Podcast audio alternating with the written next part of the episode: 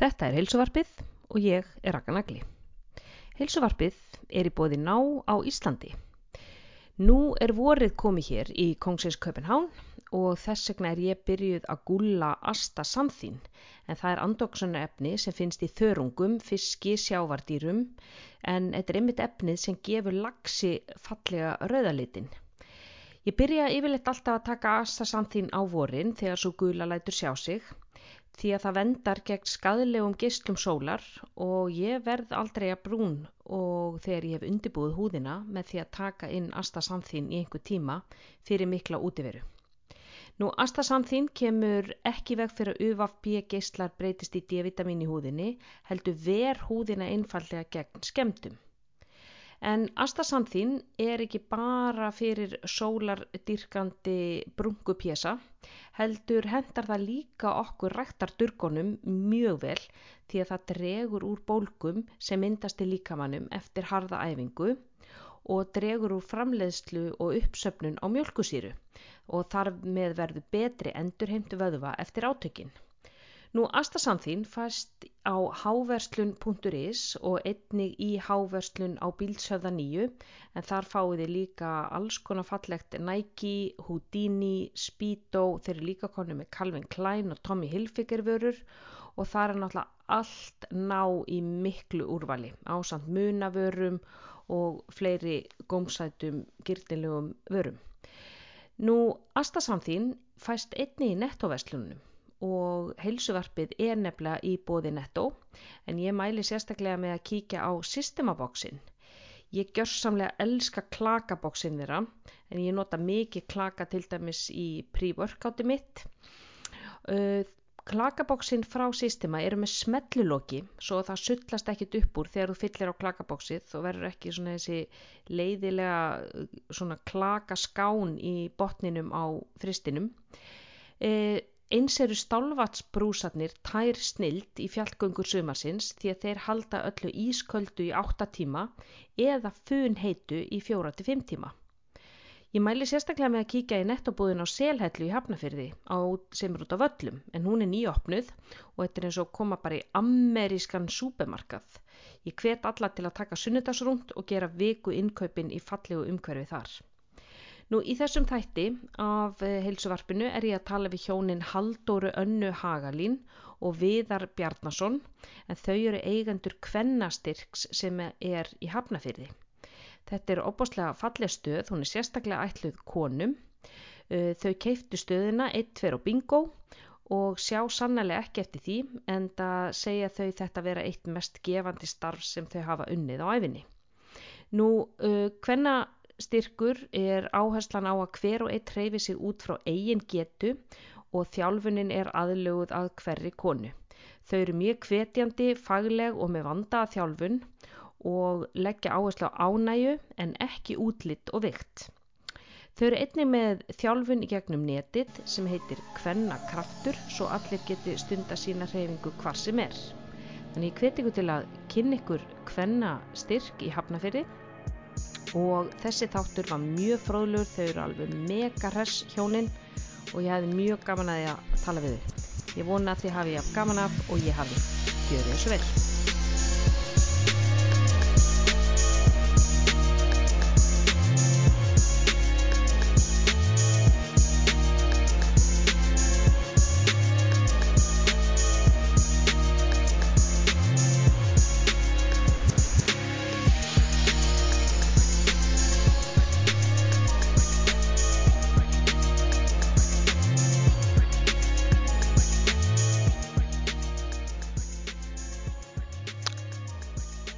Halló og, uh, halló og velkomin í helsuarfið. Takk fyrir kjalla. E, e, minn versti ótti varðar unnveruleika með ykkur. Mm, þegar það er podcastari þá er maður alltaf með sko rassasvita yfir því að það klúðrist eitthvað. Annarkvort að það takist ekki upp eða þá að fællin sé einhvern veginn eðilaður og bara, þú veist, 7.9.13 þau gerst í teljandi skipti en gerist hjá okkur. Þannig að við erum að taka þetta podcast upp í annarskipti, ég og Haldóra Anna Hagalín og Viðar Bjarnason frá Kvennastyrk og þið ætli bara að þykjast eins og við sem gera þetta allt í fyrst skipti. Þetta verður bara betra. Ég veit það, þetta við erum búin að taka generalpröfi, við erum búin að taka gott reynsli á það, við erum búin að styrkja böndin, þannig að núna bara, þú veist, keirum við þetta í gang og allir eru bara, vá, hvað gott kemistri á milli þeirra. Já. en svona fyrir þá sem eru ekki búin að styrkja böndin við ykkur, segi mér þeir frá kvennastyrk sem er kvennarækt í strandgutti hafnaðri og þið eru eigandur og hvernig væri það að þið myndi bara segja hlustendum aðeins frá ykkur? Já, e, við sem sagt keftum líkasættastöðina kvennastyrk í haust, eða sem síðastlið haust og höfum hérna alveg mannin meir og minna allar sólurringin síðan Já. Það sem maður gerir þegar maður, þegar maður byrjar á nýju verkefni. Akkurat. Uh, hér er líkasættastöð fyrir konur og hér eru einungiskonur og viðar og við sagt, þjálfum svona megniða tímunum en erum með nokkra, tím, nei, nokkra þjálfara með okkur og við erum með svona almenna tíma þar sem eru styrka, styrtar og þrektímar og svo erum við með sértíma fyrir 60 plus, við erum með mömmutíma, við erum með kraftstyrk, við erum með jóka tviðsar í viku, myndislega jókakennara með okkur og svo erum við með fjárþálfjörn og það brjótum við aðeins upp á því að við erum með fjárþjálfum bæði fyrir konur og karla í sikkur næ. Wow, ok. Mm. Það er nýjum kjá okkur. Það er nýtt frá því við tölum síðast. Það er rétt, af því þið voru bara með kvennakraft sem var online þjálfunin. Eru það með kallakraft? Já. Ó, heyrðu, við höfum eitthvað nýtt að tala um. Já. Já, ok. En frá okkur. Hver er þú? Já, Já. ég er Haldur Anna Hagling. Já. Um, svona rétt rúmlega miðjum aldri á besta aldri besta, besta aldri, það er rétt og við hérna já það, þú ert með þinn bakgrunnur er náttúrulega ekki í þjálfun. Þú ert markaðskona þú ert, þú ert MBA-kona já, þannig að hvað hva leiðir því þjálfun? já, ég tók bara uppeyju og hérna það er svo holta að breyta til og gera eitthvað alveg nýtt. Og maður er búin að prófa alls konar enda á besta aldri og allt það. Og þá svo bara hérna langaði okkur að gera eitthvað saman. Okkur langaði að búa til fyrirtæki saman og, og höfðum verið að spá í því í svolítinn tíma og svo dúkaði bara upp á Facebook hjá mér að hvernastyrku væri til sölu mm. og hérna og þetta var bara algjörl tilun að ég var nýbúin að sína viðari á Facebook þess að geggiðu stöð sem væri svona akkurat í okkar anda svona væri stöðin sem við myndum vilja Svo bara stuttu setna var hún til sölu og, og við giftum okkur síðasta sömur. Tókum við likljónum með kvennastyrk viku setna og hérna opnuðum bara samdags. Já. Já. Og hérna byggum til heimasíðu fyrir fyrirtæki upp í bústað með fimm börnum. Og hérna... Í, brú, bara, í brúkasferðinni kannski? Í brúkasferðinni, já. Rosa romantíst allt saman. Þetta var, þetta var geggja. en þetta var bara þetta var svolítið svona meant to be og var bara, er búið að vera bara dásalegt ferli og fyrir mig að koma inn inn, ég hvernig, bjóst við að vera meira í, í öðrum hlutum og, en, en svo tókum við bara smá uppegi og ég þjálfa hérna fjölda tíma á hverjum degi á móti viðari og er að læra enga þjálfan hjá hérna í fjarnámi frá bandaríkjónum. Og frá bandaríkjónum? Já, mm. það var svona þægilegt fjarnám sem að hendaði mér. Mm. Frá hvaða, hvaða stopnum? Það heitir NASM. National, já, já. NASM. Eh, Na National Athletic, hvað er þetta? Sports Medicine, eða ekki í, í lokin? Jú, eitthvað svo leiðis. National Association of Sports Medicine, geta ekki verið? Það getur rosalega mikið verið. Þetta er, þetta, er mjög, þetta er mjög þekkt gráða, sko. Það já. Er, já, það er hann að ISSA og, og NASM og ACE. National, jú, National Academy Acad of Sports Medicine. Já, akkurat. Akkurat. Það. Hvað er það langt hérna, ná? Í raun og veru bara eins og ég tek það. Þetta er, þetta er á við ársnám ef þú varu í, í staðnámi. Mm. En hérna, ég er búin að taka þetta svolítið á mínu hraða þannig ég tek svona rispur. Mm -hmm. Og ég er komið vel á veg núna og hérna ætlaði náttúrulega að vera lengur búinn. En, en hérna, maður hefur ekki tíma í allt, skils mér. Og hérna, hérna þetta kemur svona hægt og rólega. Já. En þetta er bara ótrúlega skemmtileg viðbútt. Og svo er ég líka... Já, byrja ekki. Svo er ég að gera heimasýður á kantinum. Já, heima síður fyrir bara aðra. Já, Ok, þannig að þú sést reyku fyrirtæki, þeir eru með fimm börn, þú ert í fjarnámi og reyka líkasættstöð og þjálfa þar. Hvað er margir tímar í þínu sólring? þeir eru ansi margir. Er, er, þetta Kári, er Kári búin að klóna þig? það er bara, maður sefur bara fast og, og, og hratt og hérna og þetta er einhvern veginn púslast allt saman og svo hefur þetta bara allt sinn hraða ég bara, þú veist, ég tek fjarnámi bara hægt og rólega og, og hérna og vinn þetta bara svona stundum og af og til og þegar tími gefst. Mm og svo svona hoppa ég inn á milli. Ég, mér finnst rosalega gott að, að vera með marga bolta þannig að ég er svona veður einn í annað. Já, og Já. mér finnst það geggjað. Já, og með því að gera hérna, vera með til dæmis heima sér á kantinum og þá held ég svolítið í, í hérna markasgrunni minn og, og held svona svolítið svona mínum bakgrunni svona lifandi þannig að ég er svona ennþá inn í hvað er að gerast og svona mm og hérna já. Það, þetta er svolítið svona bara ég já, já, já, og þú einmitt tekur hérna uppi, fer vel út fyrir þægindaramman úr, Mhm. þú veist, markas eh, vera í drakt og mæta og vinna fyrir, vinna fyrir mannin já, í það að opna bara líkasættastöð, fara að þjálfa og standa á gólfinu og vera í joggingalla allan daginn og vinna fyrir sjálfan sig. Algjörlega. þetta er hérna, þetta var alveg ótrúlega, ótrúlegt viðbriði og bara hérna, og líka bara það, ég myndi eins og þú segir, að vera í drakt allan daginn eða svona svo gott sem og, og hérna, veginn fítn og greittur og málaður og svona vel til hafður í það að vera í leggings og, og hettupeysu og ómálaður og yfirleitt þokkalega úvinna því að maður er búin að vera að þjálfa og eitthvað. Einmitt, Þannig að þetta er geggjað. Já, þetta er geggjað, Já. já. En svo var þetta mjög stressandi. Ég man eftir fyrsta tímanum mínum að ég, mér fannst eiginlega eins og við að að standa svona á kantinum og fylgjast með hvort ég gerði allt rétt og ég alveg bara svona skalf inn í mér bara í uppbytunni. Já, og að hann, að hann væri svona einhver, einhver vörður hann á kantinum að sjá hvort þú gerir allt rétt. þetta. Já, já, já, já, hann, mér, mér fannst það sko. Hann hafði engar ágjör Nei, og hérna, þetta var bara svona inn í mér. Að því að viðar, þú ert með, þú ert með bakgrunn í þjálfun.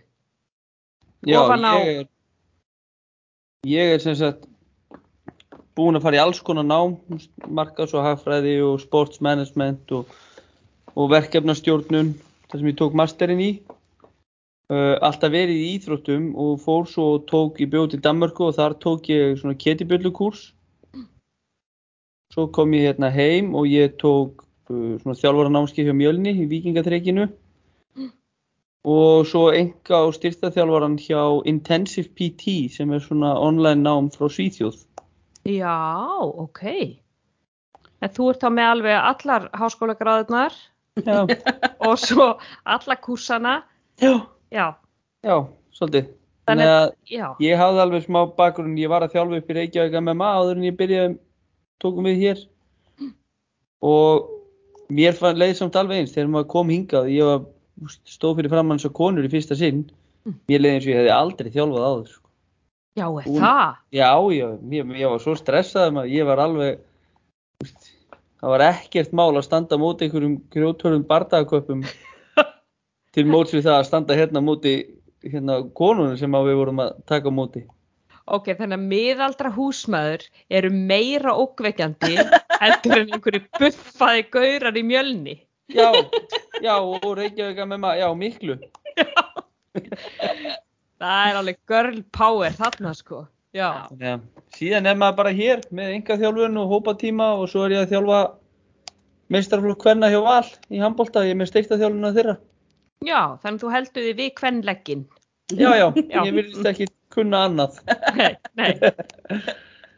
Ok, Þannig að- og, og þegar þið ákveðið að kaupa kvennastyrk, þá, sko, hve- hvernig höfðu þið einhver tengsli þessa stöð? Þú veist, þú segir hún poppað upp á Facebook eða þetta til sölu. Akkur poppa það upp hjá þér? Bara að því ég fylgdi henni á Facebook og hún auðlist þetta, þetta á Facebook og, og hérna að hún hefði, hefði ákveðið að setja hana til sölu. Mm -hmm. Það var nú ekki flóknar en þannig. Mm Þannig að við þekktum ekkert til og höfðum aldrei stíðið hérna fæti inn, sko. Ég, við höfum bara séð myndir. Já, Og hérna, þetta var alveg selt þegar við löpum inn í fyrsta já, sinn. svo fengum við að koma og skoða mm. þá var þetta bara komið. Þetta var bara, Eitt, tveir og bingo. já, Já. Við ætlum bara að kaupa þetta. Takk fyrir. já, Já. Já, gerðist allt rosa hratt. Við giftum okkur sem sagt vikun áður en við fáum kauptilbúðið samþýtt og við höfum ekki hugmynd um að við varum að fara að kaupa þessu stöð þegar við giftum okkur. Mm. Þannig að þetta gerðist allt á bara með hraða þegar þetta loksins fór í gegn sko. Vá. Þannig að á einhverju viku þá verðið þið hjón og fyrirtækja eigendur. mhm. Já, Mm. Og hættum í, í hinum vinnunum okkar. Já, takk fyrir ég hætt. Já, já, eiginlega svona. Vi, vi, það var nú ekki alveg þannig en, en hérna, það var líka, við vorum svona með annan fótinn hinum meginn til að byrja með og, og Já. já. Og hvenær er þetta? Hvenær er þetta í fyrra? Þetta er um Ágúst. Vestlamannahelgina í fyrra sem við fáum líklana á föstudeginum. Vá, þannig að þetta er ekki, þið er ekki búin að eiga þetta í ár. Nei, nei. Við, e, uh, 22. júli,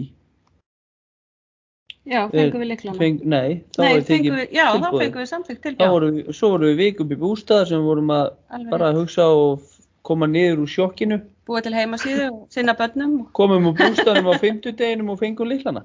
Já, Já. einmitt. Í brúkusferðinni að búa til heimasíðuna með öllum krökkunum og svo komið að fá í liklana og bara opniði hurðina bara um leið. Já. Já. Já, Vorum við opið í nokkra daga og fórum svo í æfingaferð með valstelpunum til Spánar í viku. Já. það var hinn. Allt, og þetta er allt svo romantíst hjá okkur. Þriðja ferðin átti svo að vera til Thailands í janúar en, en já, það er ekki komið að því ennþá. Það er ekki komið sá janúar. Nei, það er þegar maður opnar fyrirtæki, þá þurfum við örgulega að slá alls konar á frest. Já, Já. já. Þetta er, hvað hva finnst ykkur, hvað er svona mesta áskorunin við það að opna svona stöð? Mesta áskorunin? Mm, Kanski bara að, sko, mesta áskorun okkar hefur svolítið verið að vekja aðteglega á okkur. Að hér Mm. sé stóðið fyrir alla konur. Þetta er ekki einhver kettlinga leikfimi. Mm. Það eru svona, hérna, konun að koma hérna inn svolítið og, og segja bara, já, ég held að þetta væri einhver svona kettlinga leikfimi. Mm Það veist, sem að við erum alls ekki. Við erum bara grjóthörð. Grjótörð. Og hér lifta konur bara frá 20 upp í rúmlega 70. Mm -hmm. og hérna í sömu tímum hlið við hlið og eru bara, hérna, við erum, með, við erum að vinna með lóð og ketubjöllur og líkansþyngd og tegjur og allt þetta helsta. Við erum ekki í einhverjum hoppum og skoppum, En við erum ekki í einhverjum danssporum. og það var svo sem ekki, ekki hérna áður heldur. Þetta er bara, virðist vera svona, hjá sumum þá er þetta bara hugsunin, já, hvennastyrkur, líka sætt fyrir konur, þetta getur ekki verið grjóthart. Já, Nei. þetta hlýtur að vera eitthvað bleikt og mjúkt. Ef Og, þú hefur ekki kynnt þér þetta áður. Mm -hmm. Það, það er sem að voru hérna þegar við keiftum og höfum verið í tímum hérna, það er voru alveg búin að taka á því, alveg eins og ég veit ekki hvað sko. En það er sem að vissi ekki hvað þetta stóð fyrir, þar var svolítið algengt að Mhm, við þyrftum að brjóta niður einhverja svona fyrirfram ákveðna hugmynd sem að þær hefðu um mhm.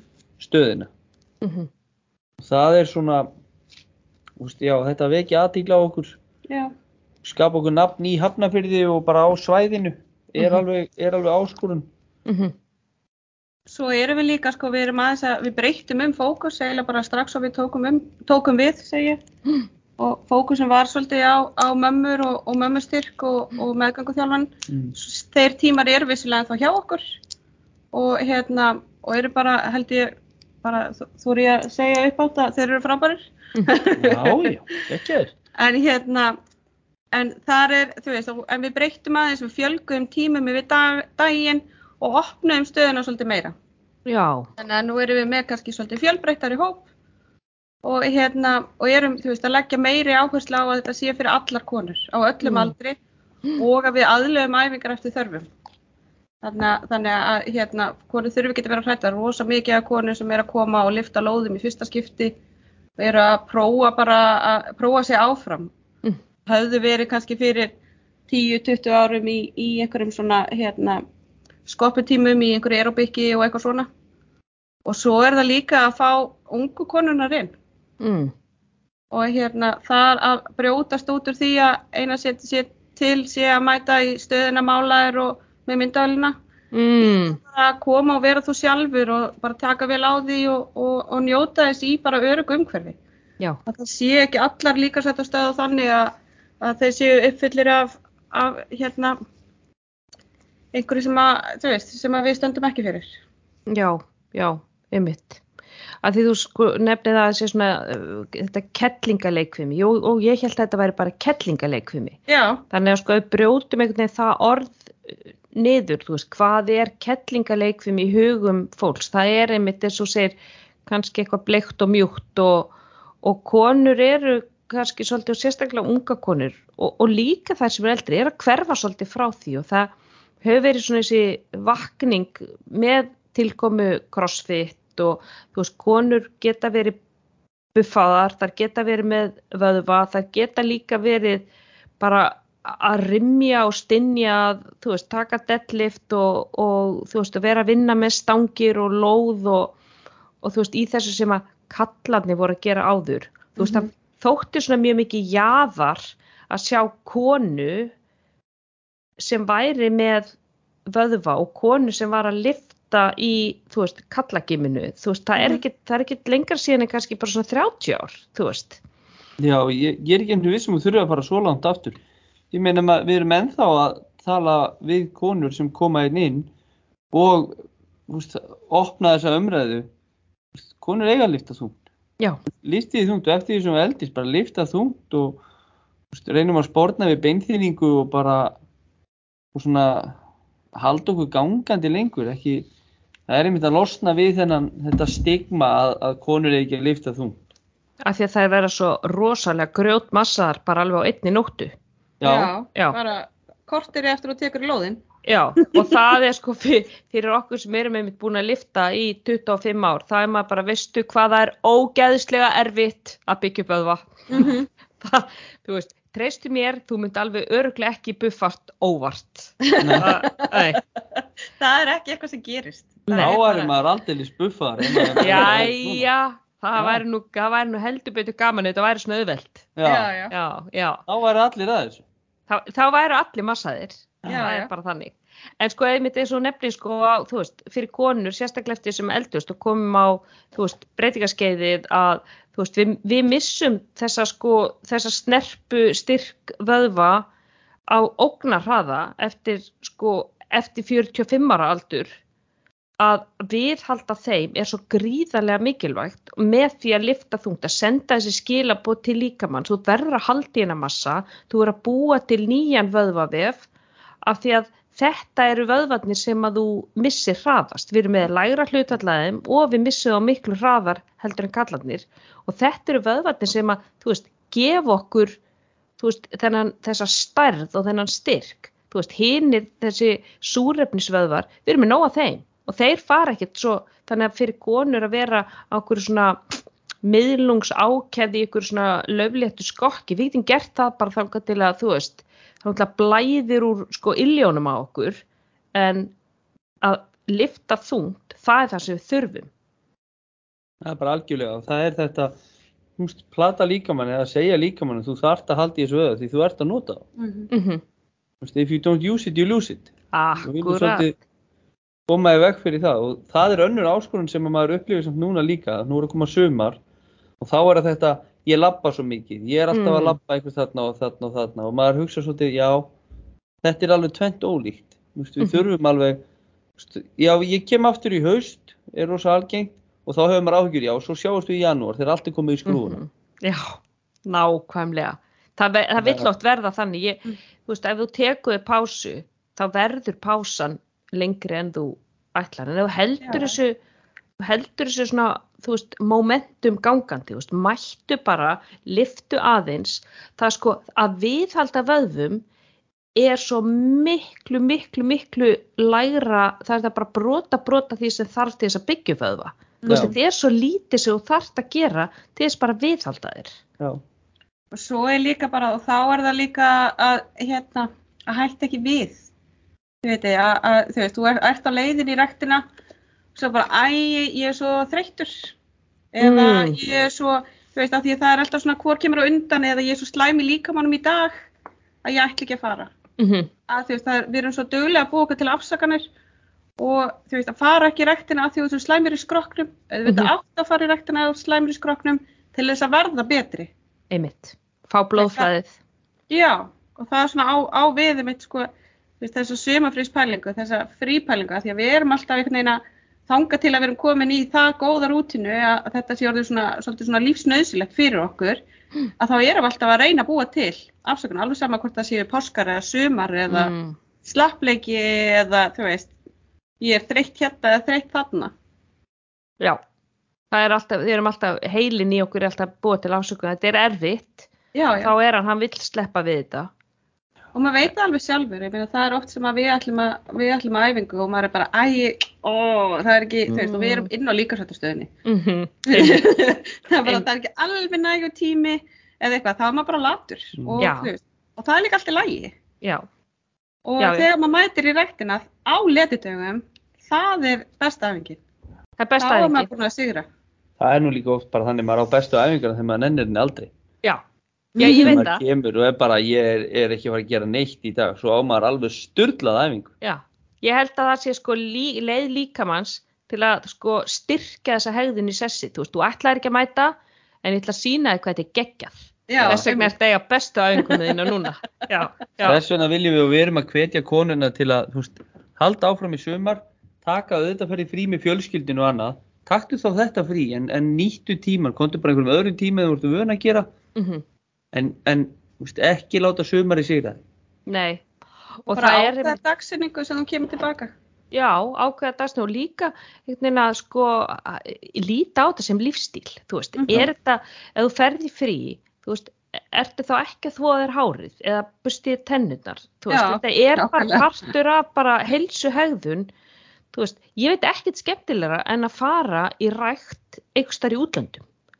Bara, þú veist, að fara einhvern nýjum stað, finna einhverja rækt, þú veist, sjá kúltúrin, þú veist, hvernig er þetta, ok, ég er úkslega að fá konur að lifta þetta eða vá, það er bara fullt af konum að lifta þetta eða, þú veist, ég hef æft sko í kjallara í Fes í Marokko bara með einhverjum köllum, þú veist, klukkan 6 um morgun. Og ég vissi ekkert hvað ég var, kerði bara einhverjum 20 mínútur bara með Google Maps og bara, já, ég ætla að fá hérna eitt dagspassa. Já, það kostar, og það var sko 12 íslenska krónur. Ég, eh, já, ok, ég ræði við það, þú veist, sjáast á morgun. En þú veist, þetta er bara einhvern veginn partur af, þú veist, af því að þetta er einhvern veginn lífstíli minn. Ég bara, ég fer og þetta er bara svo gaman að upplifa það, þú veist. Og einmitt, hvernig er svona kultúrin og, og, og allt þetta. En, en sko, hvaða, hvaða valjú finnst ykkur í að hafa, að því að sko, rækt bara fyrir konur. Uh, þú veist, við vorum með baðhúsið og það er náttúrulega hægt. E- Er, e, þú veist, það er jazzballetskóli Báru held ég bara fyrir konur og ég held að dansstúdíu Sóler sé bara fyrir konur.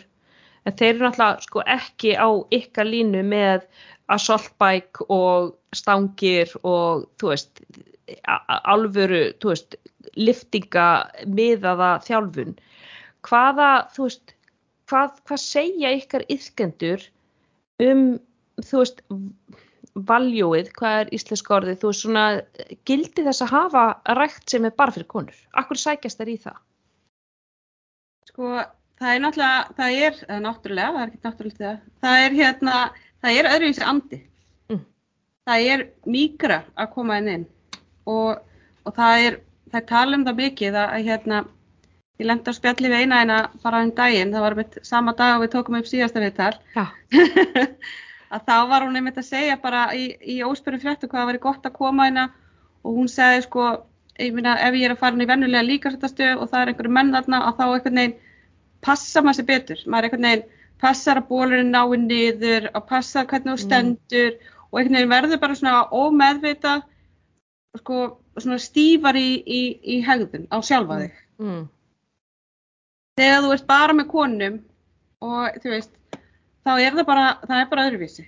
Mm. Þú ert einhvern veginn miklu mýkir, það skiptir einhver máli þó það sjáist aðeins í magan að þér Mm. þegar þú ert að hreyfa þig. Það skiptir einhver máli þó að að sé skítugt. Mm. Það skiptir einhver máli hvernig þú ert að tala.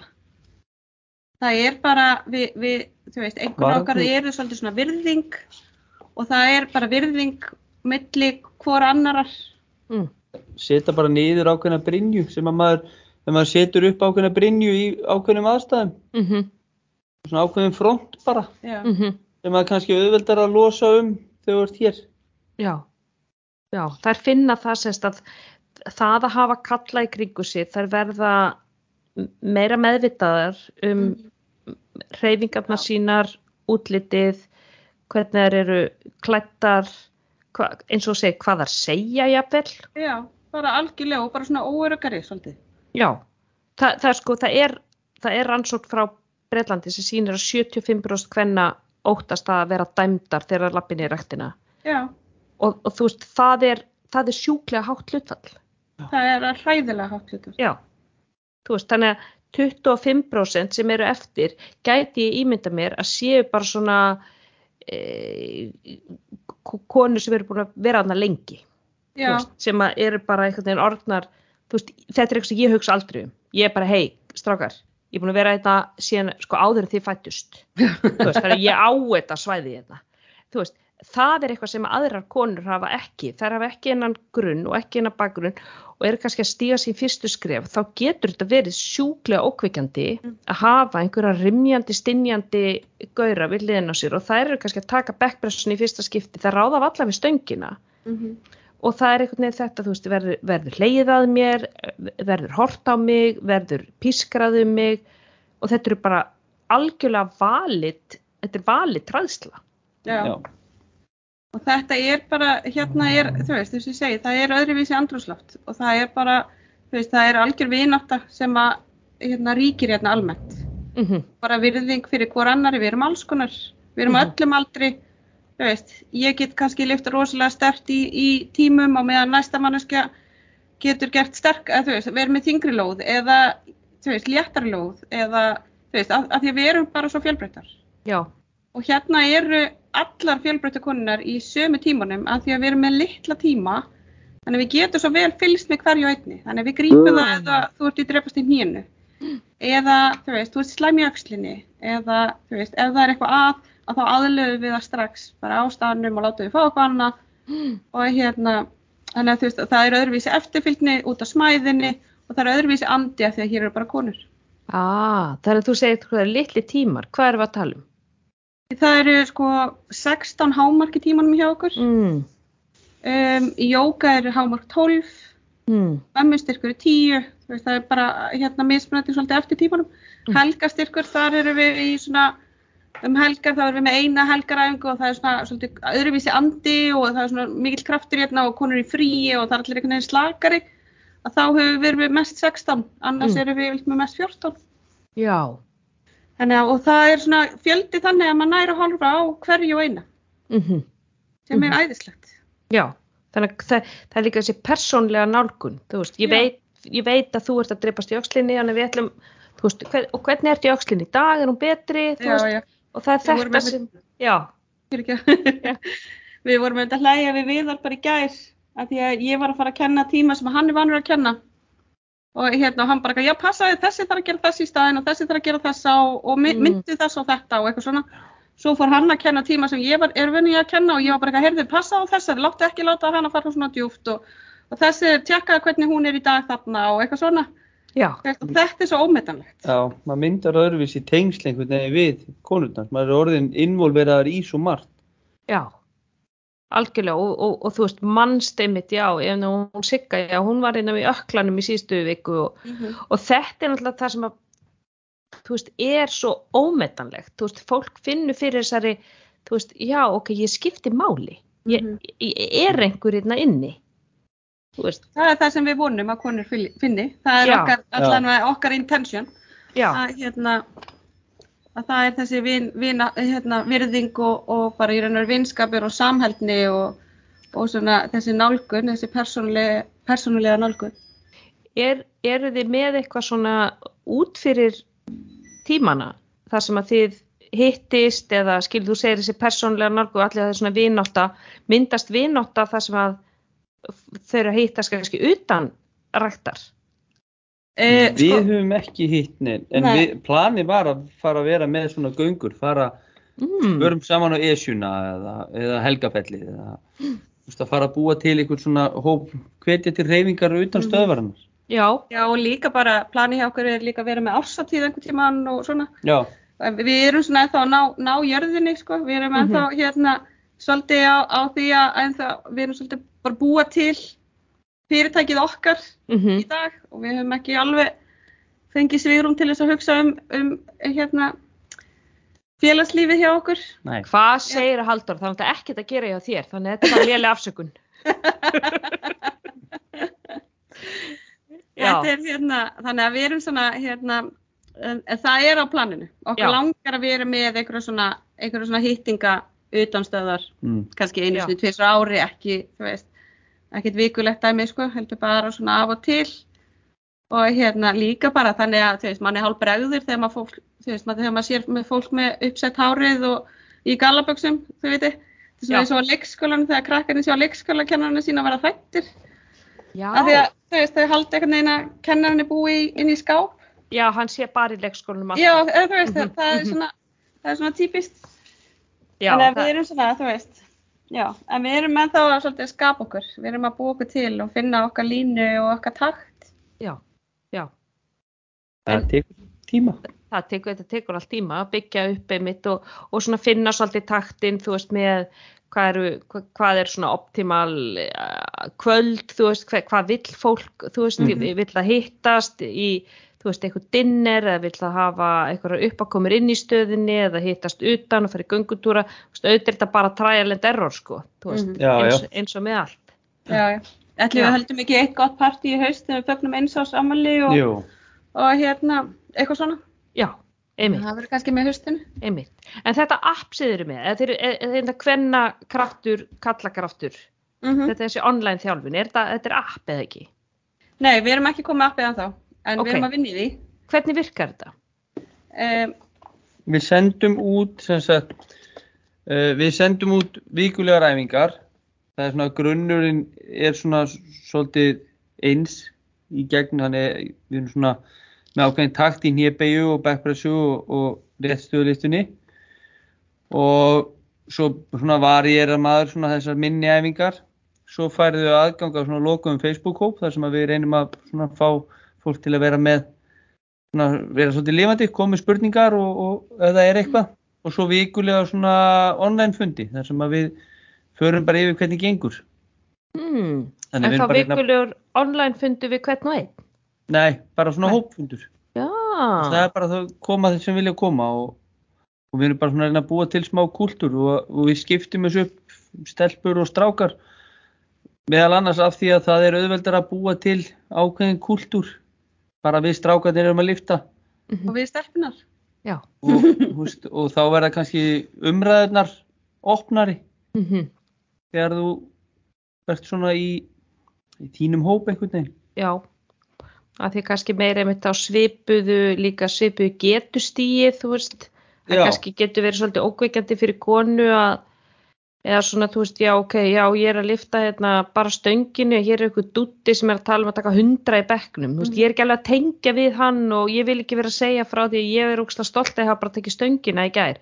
Þannig að, einmitt, það kannski e, svona minkar þennan, þennan svona einhvern veginn ótta og, og gerir meiri e, kúltu eða meiri tengingu við, já, ok, já, ég, ég náði að setja 2,5 og bara vá, heyrðu, það er Mhm. geggjað. Já, Við erum á, já, en þú segir sko hnébegu, backpressu, réttstöðuliftu, þú veist, það hljómar eins og bara SPD, bara powerlifting, mm, þú veist, er ástæð fyrir því þér að nota þessa þrjár basic stóru æfingar? uh, ég er mjög hrifin af þessum æfingum af því að ég, ég, veist, ég var íþjóttastjóri hjá hérna, kraftlýtingarsambandinu Mm, og kynntist maður svolítið þessu umhverfi. Mm og þetta er náttúrulega sko, ef ég vil ná góðri fullbót í æfingu þá bara hendi ég hnébegi og, og réttstöðuliftu og ég er bara þarf ekkert að gera meira sko. En, en við reynum að skipta, ég vil hafa backpressu dag, ég vil hafa hnébegi dag og ég vil hafa réttstöðuliftu. Og, og reyna þá að hafa æfingarnir í kringum það tengda þessum vöðvahópum. -hmm.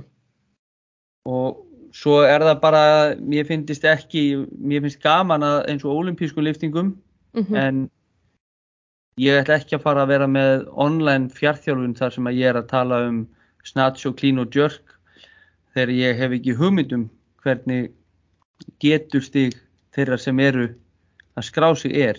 Nei. það er auðvelt að slasa sig í, í sn- snatch ef að þú hefur aldrei gert snatch áður. Ætla svo að fara að rífa þetta upp.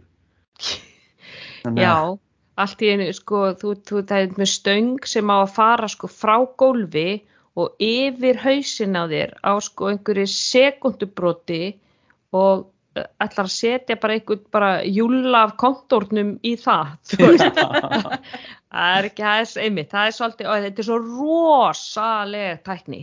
Já, þetta er náttúrulega bara, en svo reynum við að setja inn, við settum einmitt upp YouTube rás, þannig að við reynum að setja inn svona myndbönd af öllum liftunum, Við reynum Mhm. það ekki, við gerum við það. gerum það. Já, Mhm. það eru myndbönd með öllum æfingum. Já, þeir eru búin að taka við sérst myndbönd með öllum æfingunum Já, og allir fá sérst linka á það og geta Já. séð þá æfinguna inn, inni, hvar, hvar fá þau? fá í dag sagt sendan tölvupósta sem að koma svona smá útskýringar og svo kemur í rauninu bara skjál Mm. með öllum æfingunum og myndböndum beint fyrir aftan og Já. fjölda reppa og setta og allt svo leis. Einmitt. Eiga þau að að þú ski, skila ykkur svona, þú veist, hvað þingdu taka eða, Nei. nei, nei. gerir þetta alveg á þínum, þínum forsendum og bara eins og þú vilt og, og í rauninu verið þá getur þú haft þetta eins ítarlegt og þú vilt Mhm. ef þið langar að, að tala um hvað þú varst að gera í dag og svo verður þetta vonandi þegar við erum búin að byggja, við erum náttúrulega nýbyrjuð með þetta Mhm. og hérna þegar það komið upp svona stærra samfélag þá opnast kannski á meira svona umræður á milli mitt, bara þú veist ég var að gera þetta og ég er stolt af því og Já. ég ætla að segja frá því.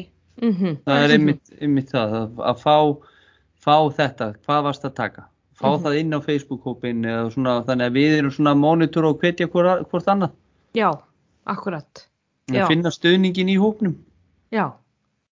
Þið talar um meðgöngu leikfimi og mömmu, mömmu leikfimi, eða þú veist, þið erum með mömmutíma og meðgöngutíma. Já, Hvað er það fókusa á? Því þú veist, svo marga konur sem á meðgöngu, þú veist, á, ég að æfa, hversu mikið á að æfa, hvernig á ég að æfa, hvað ég forðast, þú veist, og það er búin að alls konar mýtur og alls konar í gangi, þú veist, hvað, hvað eiga erum konur að með gera? sko í óléttu, hérna ólétta konur eru náttúrulega bara með í tímanum okkar langt fram eftir. Mhm. að hérna og svo fer það náttúrulega bara eftir hvernig líkamið þinn er á meðgöngunni hvað þú getur.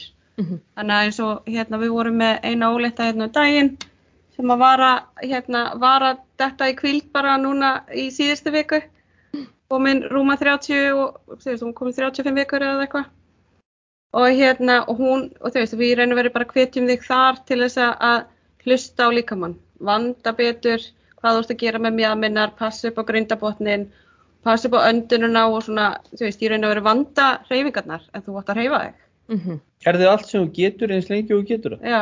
Já, einmitt.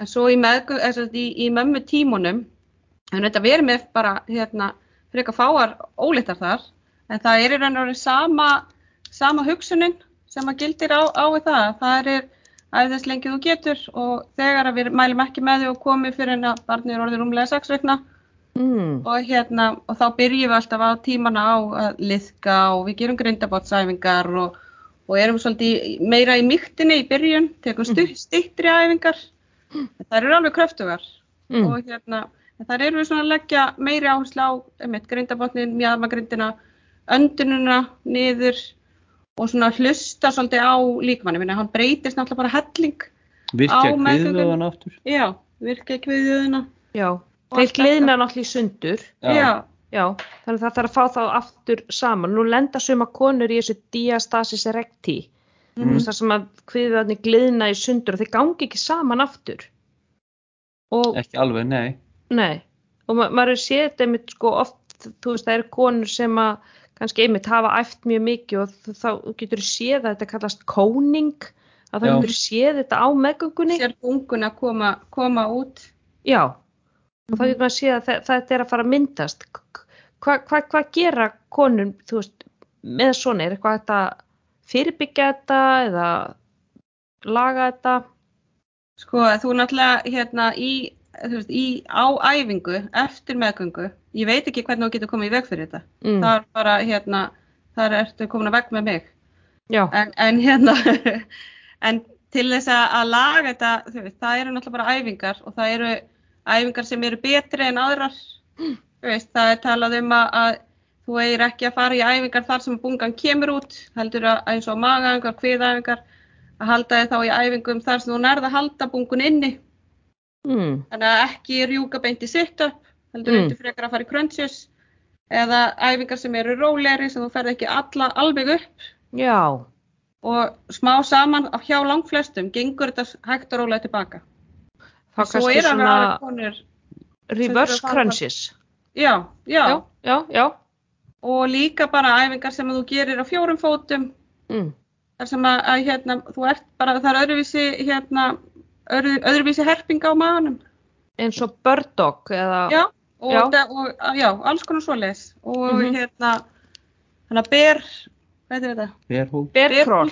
Já, og Já, ber bear crawl. Já, Já. já, já, já, já, já. Það er, það er, það er mælt með svoleiðis æfingum og hérna, þegar bílið er það mikið. Mm En eins og ég segi, hjá flestum þá gengur þetta tilbaka og sumar lenda hér í því að þurfa að fara til læknis og láta skoða þetta betur og allir hvort það sé í lægi að þeir æfi yfir höfuð. mm. Það er alveg tilfelli að sumar bara meiga það ekki ennþá. Já. Eða meiga ekki, þú veist, vinna á vöðvonum og alls konar svoleiðis. Mm Þannig að hérna, við heyrum það líka. En við heyrum líka konum sem að hérna, eru hjá okkur sem að eru með bíl eftir mörg ár. Já. Sem það hefur aldrei gengið tilbaka. Nei. En, en eins og hérna, þú veist, að þá er ekkit endilega að þú finnir neitt fyrir því. Þú veist, mægin aðeins breytist. Mm Og þá er í raun og verið spurning, minna sumir, sumir hafa látað, látið sauma þetta tilbaka. Já. Þú veist, það er til í dæminu, þú veist, það er, það er bara, líka mann er svo ótrúlega magnaður og alls konar. Að við eiginlega bara lendum í alls konar. Það er alveg rétt. Hann- er, hann er alls konar. Þið eru náttúrulega með alls konar konur. Þú talar um að sko, þið eru með konur frá 20 upp í 70. Mm Þú veist, þannig að bylið og, og, og bara, þú veist, bara variasjónin í konum sem eru hjá okkur hlýtur að vera gríðalegt, veist, Alveg, bara, alls konar konur. Og þið þurfum svolítið að klæðskera sníða sumar æfingar, eh, þú veist, hvernig byggið þið upp tíman ykkar? Veist, hvern- hvernig er, hvernig er bara típisku tími? Típisku tími. Yfirleitt vinnum við með uh, svona tímaformat eins og AMRAP eða EMOM eða förum í Tabata og þá alls konar útgáfur, þú veist, Já. 20 sekundur í vinnu, 10 pásu, 30, 12, 40, 20. Sko, fyrir það sem ekki vita, AMRAP er as many rounds as possible eða as many reps as possible. Mm Og EMOM er every minute on the minute. Þannig Mhm. getur þú útskýrt þetta fyrir þá sem ekki þekkja þessi hugtök. Já, ég myndi til dæmis, ef ég myndi taka, ef ég brjóta það niður, ef ég teki AMRAPið, ég kannski hef, stundum erum við með langt AMRAP, þá er bara svolítið fjöldi af æfingum og reynir að fara eins margar ringi og getur og hefur það kannski 30 mínútur, en þú nær kannski bara þremur ringjum. Reynum að byggja þannig upp að þú takir alla vöðvahópana. Uh, Stundum erum við stittir í AMRAP og þá áttu kannski bara í 5 mínútur, þá erum við að vinna með fæturna til að byrja með og við tökum það í 5 mínútur. Svo færum við okkur kannski í bakæfingar og kviðæfingar, brjóst. Þannig að ég reynum að brjóta þá niður bara eftir, eftir vöðvahópum og stittir í amröp. Sama gerir maður svo sem með emómið, every minute on the minute. Þá kannski stillir maður þannig upp að þær eru að ná að klára emómið eða sem sagt hreyfingarnar sínar á 40 sekundum, fá 20 sekundur í pásu og byrja svo aftur. En við reynum að byggja alla tímana þannig upp að tíminn í dag er öðruvísin í gær en við erum alltaf að reyna að vinna með allan líkamann Mm, í mismundi og, og reyna að vera með fjölbreyttar hreyfingar. mm Og við byrjum allar æfingar á liðkun, mm, allir tímar byrja á liðkun, svo fyrir við uppbytun, svo fyrir við æfinguna og við látum konuna sjálfar um almennt um að tegja. Já, eftir á. Já, Já. því að við, við hérna, náum náttúrulega ekki öllu innan stuttstíma, Mm þannig að hérna, okkur finnst liðkunin og uppbytunin hérna, þar standa upp úr að því að við bara við, miklu minni líkur á þá meiðist eða þú ert orðin heitur og góður Mhm.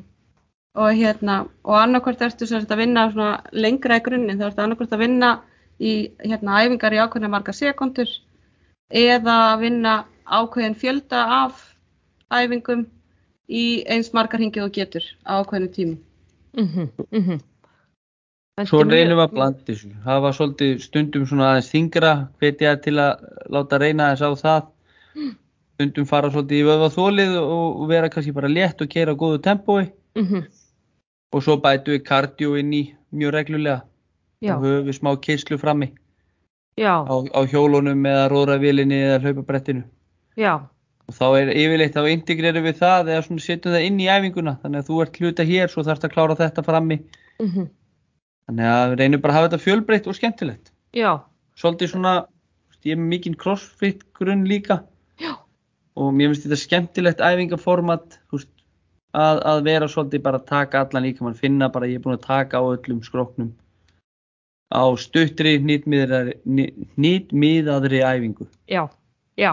Það verður líka einhvern veginn auðveldra, þú veist, að taka allan líka með í einu. Þá verður, þú veist, ok, ég kannski sé fram á, ég kemst ekki alveg en það er allt í lægi, þú veist, að ég er hvort er að taka alltaf allan líka mann, það er búið að stímulera, þú veist, allavega að hópa, þannig að þó að detti einn æfing út, er, skiptir ekki alveg öllu máli, þannig að, þú veist, eins og þetta típiska bodybuilding, þú veist, gamla bró splitt, þú veist, ég taka hérna, uh, þú veist, eins og alþjóðlegi backpressu brjóstdagurinn á mánudögum, mm. þú veist, en ég kemst ekki á mánudaginn og þá bara dettu brjóst út kannski tvær vikur, þú veist. Já, já, já. Þannig að þessi nálgun er veginn þannig að þú kemst alveg upp með það, ok, ef eitthvað kemur upp á, það er það allt í lagi. Mm Já en svo setjum maður, svo getur við verið í fjárþjálfunni eða þar brýti ég þetta meira upp eða við setjum þetta upp einmitt, svolítið svona brjóst og, og træsepp í dag og, og fætur og, og það er og það, þá gerum við og setjum við töflu, á töfluna hérna inn í æfingar og þá brjótum við kannski efri líka með neðri líka með full body. Þannig að þú ert að koma sjálf í ræktina og þá getur þú bara tekið eins og þú vilt. Já, já, einmitt.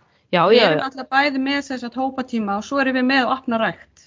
Nú, þeir eru með opna tíma líka.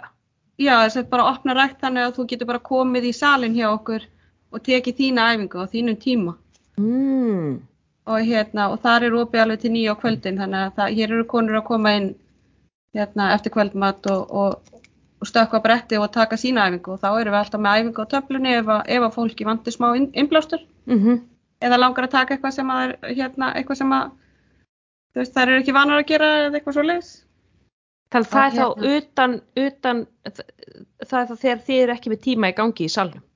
Nei, þetta er liftingasalur, það er sem þú lappar inn þá Ó, er liftingasalur og svo er hóptímasalurinn nú. Já, já, já. Og Þetta- svo erum við með geggja styrtaðastu og þar færðu hangklæði til afnota og og hárnæringi styrtunni og hárþurka og sléttu játn og eyrnapinnar og bómullanhöðrar og farðarhensir og allt það helsta sem að manni langar að hafa. Já, og ég sá þeir líka með tíðavörur. Já, Þeir eru rosaleg. Þannig að maður þarf ekki að, þannig að maður þarf ekki að koma, bara maður getur bara komið bara með, bara með mun eftir nærbuksunum. það Já. er bara svolítið þannig. Já. Það hefur líka gæst að konur gleymi en þá þú þar. Já, þannig að maður getur bara komið, þú ert með hanglaði, þú veist, sjampó, allt saman. Já. Ég tekið að mér, þú veist, sletta hárið fyrir vinnuna, tekið að mér make-upið eftir vinnuna. Er Já, snild. Þannig ég, ég vissi það ekki, þið væri sem sagt, þið eru með liftingasal, svo, svo er þið með hóptímasal. Já, Þannig, og svo er þið með jókasal eða hvað, nei, það er sami salurinn. sami salurinn. Og Já. þið eru með þjálfara, þið eru með, með jókaþjálfara sem að þú talaður um Mm og svo ertu með einhverja tvo aðra eða ekki? Jú, við erum með þrjáraðar með Já, okkur já. sem er að taka svona tíma og tíma Mm. og hérna, og bara svolítið skiptist niður svona breytilegt hvað, hérna, hvaða tíma þær eru með. Mm. En svo erum við með tvo jógakennara, eina, hérna, eina sem er alltaf og önnur sem leysir hana af þegar hún þarf að fara í frí. Já, Þannig að Það er svona hérna, og við erum með hérna svona restorative jóga á fimmtudagum, það er Já. nýbyrjað hjá okkur. Það er svona endurstilling á taugakerfinu og meiri svona, svona róliheit og hún er með risastóra púða og setur því einhverja stellingar þar sem þú slakar fullkomlega á og Sopnar bara sopnar bara. ah, næs. Og svo erum við með á laugadöfum svona, þá eru meiri tegjur og sveigjur og, og verið svona aktífara jóga Já, svona aktífara jóka.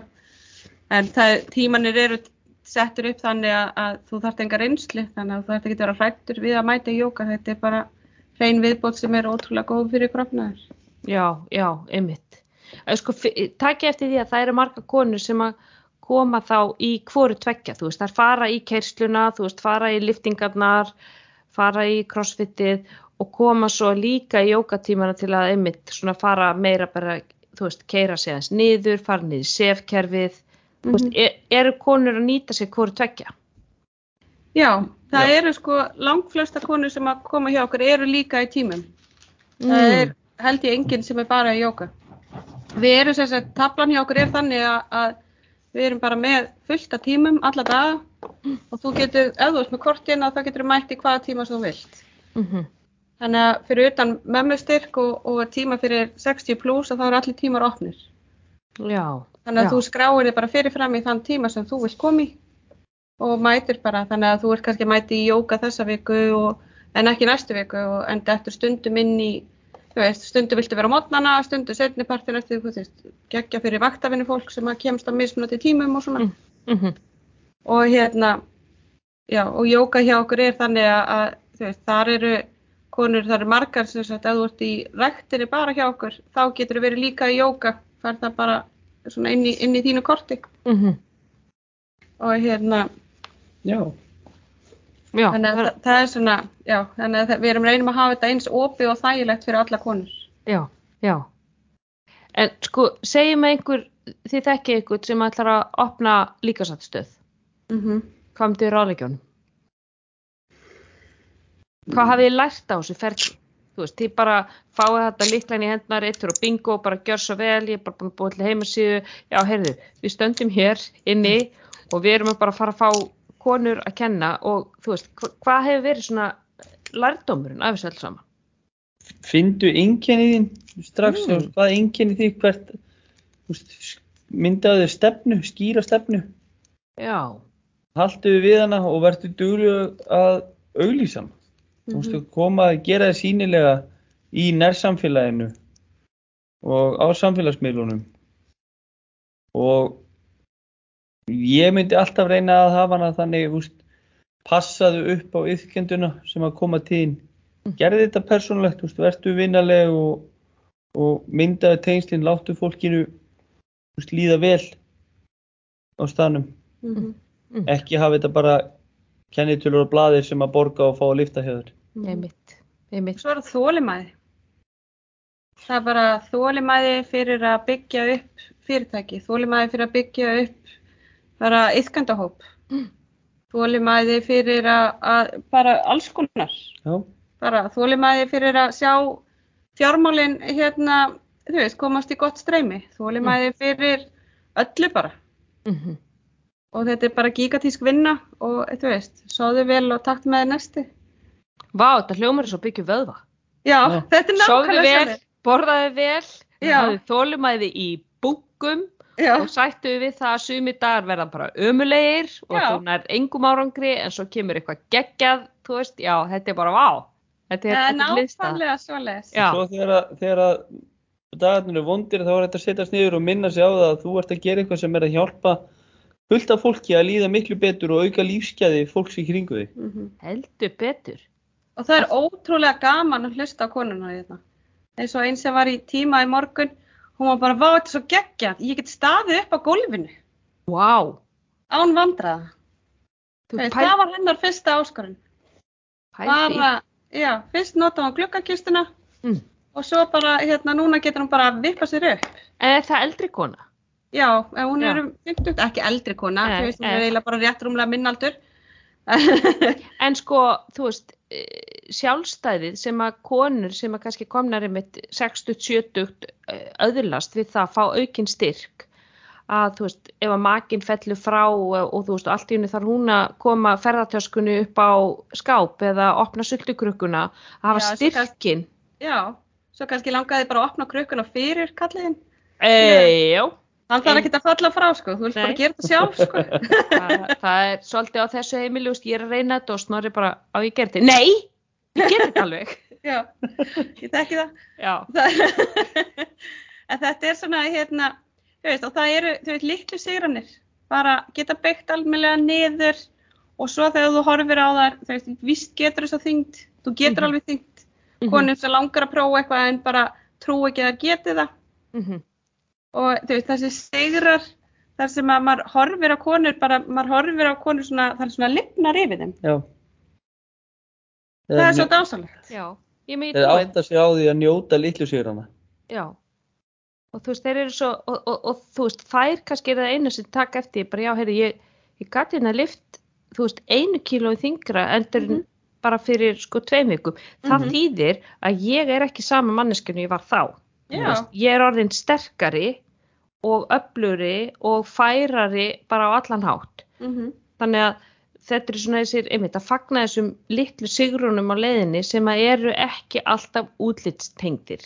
Nei, Þú veist, að reyna að færa sig svolítið frá því. Hvernig gengur ykkur með það að fá konur til þess að færa sig frá þessu útlitsmiðaða uh, svona uh, skilabúðum mér, mér finnst uh, við ekkit endilega vera með rosalega mikið af konum sem eru að hugsa um þann hluta heldur er rosalega mikið og mér finnst meiri hlutin af konunum hérna vera hérna til að líða betur mm. til að þú veist öðlast betra líf, vera sterkari og vera þú veist klári í bara að takast á við daginn Mhm. mm. og mér finnst það er kannski, skilur okkur kannski líka svolítið að frá eins og world class og svona að þær leita kannski frekar hingað sem eru bara að hugsa um þetta sem bara ég vil bara eiga betra líf Já, ég vil bara vera sterkari og hrustari og, og en auðvitað pæla er í mataræðu og við ræðum alveg svona, við bjóðum upp á makrostalningu og mm. þið gerir það já, Já, eru svona og eru margar sem nýta sér það Það eru alveg nokkra sem nýta sér það, líka konur sem er ekkert æfa hérna. En ef þú spyrir mig, eru margar sem að gera það? Já, fylgja þessu eftir annað, sko. Já, Þetta er erfitt, að, þetta er meira en að segja það. Já, Sko. það er það sko. Þetta er rosa, þetta, þetta krefst skuldbindingar og, og fyrir marga þá er þetta skrítið, þú veist, það þurfa alltaf inn að vikta alla matiðinn og, Mm. og þú veist, sum, fyrir suma ef þetta hefur verið, hefur verið að ströggla með mat og matur hefur verið, hefur verið eitthvað svona óheilbyrðu sambandi um að þá getur þetta verið ákveðin trigger, þú veist, þetta Mhm. getur verið svona ákveðin svona ádraskunar svona lík hegðun allt í hennu að vikta allan mat þannig að ég, ég, ég skilða þetta er ströggl og, og þetta er vesen þetta er vesinn. En mér finnst þetta, mér finnst þetta frábært fyrir alla að prófa af því að þetta er svo mikill lærdómur. Því að þú Mhm. gerir þetta kannski bara í ákveðin tíma, en þannig ertu búin að sanga að þér alls konar upplýsingum mm -hmm. og þú verður miklu meðvitað um hlutina sem ert síðan að láta onni þig og skamtastærðir og annað eftir þetta. En við reynum svona að gera svona hluti eins og við erum með svona mánaðalegar áskoranir. Mm. Við vorum með í, í april vorum við með hvað getur við gert settuðu markmið, hvað ætlar að gera margar armbegjur, þú veist, sem við gerum ekki á æfingu, heldur kannski bara svona aukalega fyrir eða eftir æfingu. mm, Við erum með, við erum með síkurlausan mæ, mm, sem á síðan eftir vonandi bara að halda áfram og þá erum við bara setjum við bara upp blað hérna þú skrifa nafnið þetta blaðið að þú vilt vera með þannig að þegar þú ert að koma þá getur þú haka við þú veist, Mm. Átti ég góðan dag í dag í gær þar sem ég borðaði ekki viðbúttan, viðbættan síkur mm og eru svona og þá bara, því þá fáum við þær til að hugsa um veist, hvað ert að láta onni þig? Skoða þau svona, veist, hvað ert að borða? Er mikill viðbættur síkur í þessu? Mm er innihaldslýsingin er síkur í þriðasæti já. Þá veistu að það er, það er vel að sigri þarna. Tala Já. ekki með hann í fyrsta sæti. Já, Já. En að það er, svona- það, það er eins og þú segir, sko, þetta með skamtastæriðnar, sko, ma, maður verður einhvern veginn aldrei eins, sko, svona uh, auðmjúkur og jafnvel, sko, sár og svektur eins og þegar maður sér skamtastærða hnetusmjöri. Já. Já. Það er maður bara, já, ok, er þetta allt og sund? Þú veist, og það er svona sem að fólk oft átta sig ekki á, sko, þarna koma kaloríunar inn, þú veist, ég er bara eitthvað að slumpa einhverju fullt af ólíu á matið minn og maður bara, já, ok, þetta er alveg svona 300 kaloríu sem að bæta þarna við bara með því Já, bara að svona slurka ólíun yfir, þú veist, að það er þetta, þú veist, þessi matur sem er svona mjög hita eininga ríkur en e tekur ekkert mikið pláss í maganum að þér. Og það er oft sem að maður átta sig ekkert á því. Nei, Mér alls fannst ekki. að fá mér hérna fyllt pasta, svona fest fyllt pasta. Mm Sjúklega gott, fekk mér stóra skál með alls konar dóti og grammiti og einhverju. Þanga til. Ég tekkaði hvað voru margar hitaeiningar og þetta var ávið bara stóra pítsu sko. Já, einmitt. Þannig að hérna, þú veist, Já. er svona hlutir og þá er alveg, ok, ég ætla að halda áfram að borða þetta, en ég ætla bara að fá mér rosa lítið af þessu, þú veist. Akkurat. Þannig að það eru þessar skamtastarðir sem, að- sem að við erum, er lærum inn á og bara Já. hvað er, þú veist, hvað er hitaeiningaríkt, hvað ekki mhm, og svona. Þannig að þetta er svona, er, þetta er rosalega lærtamur. Já, það er al algjörlega sko. En, Okkur er við- skeggt að gera þetta annars slægið. Við dettum svona í, í makros í, Já. í svolítinn tíma og, og hérna og svona aðeins hressum upp á. Mér finnst þetta rosa leðilegt. Já, við erum á erfiðara með þetta. þetta er, þetta er leiðilegt og, og það er alveg rétt, þú veist, en, en, en lærdómurinn er svo, þú veist, að því þú getur síðan eftir á, þetta er svona svolítið eins og bara læra að reikna eða þú veist, læra að skrifa, þú veist að þú svo getur síðan hort á diskinn og þú veist nokkurt veginn hvernig skamtastæðirna inn að líta út. Þannig að þú veist, þú getur farið að augna þær með tímanum, þú þarft ekki alltaf þessa vikt. En svo einmitt, ok, þú veist, langar mig aðeins að, veist, stramma mig upp, aðeins að missa nokkuð kíló, þú veist, það er ekkert að gerast, ok, það þarf ég kannski að fara í að aðeins að halda spá yfirlita, því við, við höldum bókald, þú veist, yfir fjármálin okkar og við kíkjum á, þú veist, það er bensínmælir í bílnum, við erum að mæla alls konar hluti, en oft er að kemur að mataræði, erum við bara eitthvað bleð, þú veist, Já. Já, slupp og eitthvað, já, ég, Já, ég hlýta, hlýta að vera bara að borða minna en í þarf, þú veist, þannig að, en svo ef það gerist ekki neitt, þá ertu ekki að gera það. Nei. Þetta er líka rosalega algengt þú veist, og hvað fólk í rauninni er búið að miskilja skamtastærðir og annað hvað maður lætur onni sig því að maður talar við fólk og svona 70% segja ég er bara að borða frekar holt Já, ég er ekki, ég er ekki mikið í þessu ég er ekki mikið í þessu og maður hugsa ég, það er samt þetta sem er að stoppa því í að missa kílóin. Það er ekki af því þú ert ekki rosa duglegur í ræktinni. Nei, það er Nei. svolítið, þú ert kannski að borða aðeins meiri hýtæningar en þú ert að nota yfir daginn. Akkurat. Og þú Þannig veist, að- það, ég er, ég er að borða rosa holt. Það er rosalega loðin almenn staðhæfing, þú veist, Já, já. hvað ertu að borða, þú veist, og getur verið þetta sem þú er sért að borða, þó þetta sé holt, þú veist, það er að borða yfir sig að kjúklingabringum, sko.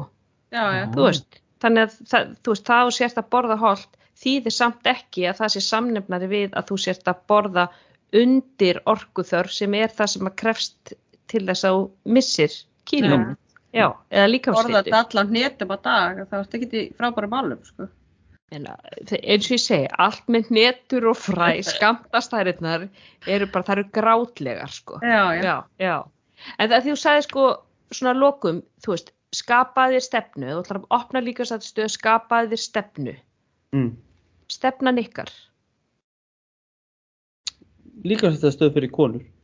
Þar sem konur geta komið og, og liði vel og æft, orðið sterkari ég held að það sé stefnan okkar Mhm. Já. En Vera það er svona nýsið okkar það er svona okkar það er okkar sérvara Já. Og Og- æfðu í umhverfi þar sem að ríkir vinátta, virðing. Já, bara nákvæmlega, það er einmitt kjör orðin okkar. Mm. Það er samhældni og, og hérna, það er gott Og- að, já, það er að, gott að samhældni. það sé svona ofalega heimasíðinni Já. Nei, veist, það, það er samhældni, virðing og, og þetta hérna vinátta. Já, Að vera, þú veist, að sína hver annari bara, þú veist, að vera, vera næs Já, að veita, veita svona þetta umhverfi sem þarf til þess að konum líði vel að þeir finnist þær ekki vera einhverju ókveikjandi umhverfi svo að þær geti hreift sig og stunda heilsuhegðun Mhm. í umhverfi þar sem þeim líður vel og séu Mhm. ekki að pæla í, þú veist, er bólurinn örglega yfir rassinum og þú veist, er hárið á mér örglega í lagi og er ég að segja eitthvað vittlaust eða gera eitthvað vittlaust, er ég nota þetta tæki vittlaust, er verið að hlæja mér, mm þú veist, að það sé bara, ó, hér er enginn að dæma, það er enginn að horfa, það er enginn að pæla, ég er bara hér, bara með rítjulegt hár, að rimja og stinja já, og, já, og við Og- erum allar bara hérna fyrir hver aðra.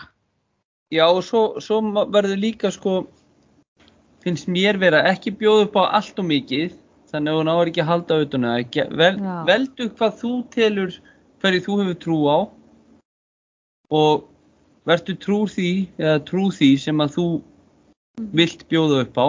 Mm eftir ákveðin tíma þú sér kannski að það er ekki að virka að þá má maður líka alveg vera óhrættu við að pröfa að breyta til. Einmitt. en, en, en ekki ekki ætla sér of mikið og þú getur illa gert öllum til geðs alveg sama hvað reynir. Vertu bara trú því sem að þú ætlar að, að standa fyrir og þá myndu fá fólki sem að vill taka þátt í því með þér. Já, og legðu metnað Já. í bara, í æfingar, í þjónustu, í fagmennsku og, og legðu metnað í hvað þú ert að gera og umhverfið. Vertu með reyna líka sættastöð. Já, af því að besta auglýsingin er ánæði viðskiptavinnir. Það er bara Já. nákvæmlega svoleiðis og við leggjum okkur fram við að reyna að veita góða þjónustu, við að vera liðleg, að sína skilning og að aðstóða. Og ánæði viðskiptavinnur, hann segir vinnum sínum Það er nefnilega og, það sko. veist, já, Við erum eiginlega sko, og svo kannski hérna áskorun okkar um það sem við töluðum að áðan, um að vekja eftirtækt. Við sagt uh, viljum ekki vera að byrta myndir af okkar yðkandum mm, og hérna, þannig að við erum ekki að taka myndir á æfingum. Í þeim fáskipt sem við gert þá hefur við byrt, byrt myndina alveg blöra þannig að þú sérð ekki neitt. Nei, við Já. höfum alveg byrst hópmynd með leifi. Já, já, við höfum byrt hópmynd með leifi reyndar. Mhm. Já, það er svona undantekningar. Mhm, Svona eftir góðan tíma þar sem allar eru rauður og sveittar og búin Já. að taka vel á því já, en allar til í að standa saman sem einn hópur. Já, já, en það er þá, en svona í auglýsingaskyni og annað, þá eru ekki myndir af Nei. yðkendunum og, og það er einmitt sko hérna rosa áskorun. Af því að hérna fólk þarf stundum að sjá að þessi líf og svona.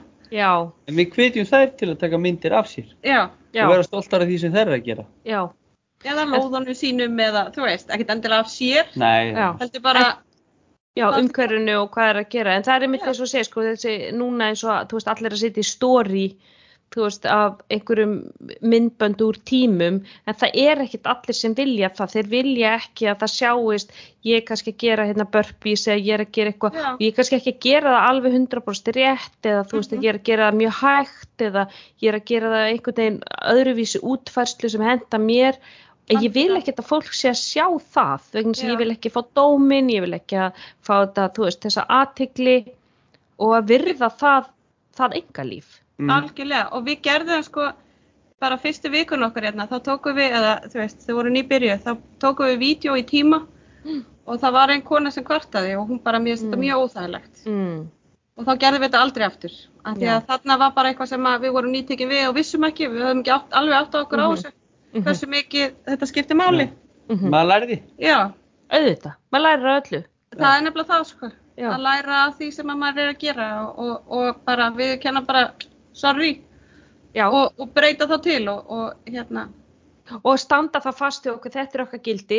Við tökum ekki myndir og vídeo í tímum, við virðum, þú veist ykkar engalíf hérna inni og Já. það verður þá okkar gildi og við stöndum við það. Algjörlega, þannig að við notum þá bara einhverja aðra leiðir til að auðlýsa okkur. Já, mm algjörlega, og eins og þeir að gera í heilsuvarpinu. Já. Já. en hver getur fólk fundið ykkur á samfélagsmiðlum? Eh, Kvennastyrkur, bara kvennastyrkur á- á- punktur is á, á Facebook, kvennastyrkur á Instagram, kvennastyrkur á YouTube, kvennastyrkur á TikTok og kvennastyrkur.is. Oh my god, er það á TikTok? Já, við erum ekki mjög virk þar, Nei. en við erum þar. Það er bara, bara það að vera svona- Já, í hérna, við ætlum alltaf að taka upp einhvern svona, einhvern svona áskorunarvídeó og eitthvað, Mm. skora Mm. hvort annað. Og svo erum við bara, einhvern veginn, ekki, Það- ekki það- alveg komin ánga. Það er þetta með að velja fáa hluti og gera þá vel Já. versus að fara inn á allt og missa þá boltan einhvers Já. stað. Já, nei, nei, sko, krakka mínir, TikTok, ég, það þangað fer ég aldrei, sko. Nei, Ég- nei, nei, ég- við- Ég, Eitt góðan við þetta, þá ætla ég að vera bara öflug á TikTok. Nei, tjók. Men- já, Ég ætla að vera TikTok-stjarnar því ég verð stór. það er, það er þannig. Nei, það er bara, þú veist, eitt appið í viðbót, eitt miðillin í viðbót og þú veist, ég er bara miðaldra, ég veit ekkert hvað ég að gera þannig ég, er ekki eins og með í símanum minn, ég bara, ég verði aldrei fara þannig inn. Þannig að, já, þetta er svona eins og segir, velju að hafna, maður getur ekki Já, hafna já. öllum boltum á lofti, sko. Nei, nei. En við erum Já. fyrst og fremst á Facebook, Instagram og, og á kvennastyrku.is. Já, einmitt, þeir eru með alveg geggjaða heimasíðu sem var alltaf búin til í sumabústað. Já, reyndar er þetta útgáð tvö, sko. Hún var bara búin Ó. til hér á staðnum. Ok, já. En þetta var frábært, þetta er náttúrulega podcast uh, taka tvö Já, eftir gott uh, general pröfu reynsli sem að fór einhvern veginn í hafsjó internetsins. ég Eh. ger svo bara ráð fyrir að við séum aftur í næsta föstudag. Já, ég myndi, þetta verður bara vikulegu viðburður við hann. það er bara þannig. En þetta er bara frábært að fá okkur. Takk fyrir að gefa okkur tíma aftur og til ykkar hlustendi góður. Takk fyrir að hlusta á heilsuvarpið og þang til næst. Verið bless. Takk fyrir okkur. Takk fyrir okkur.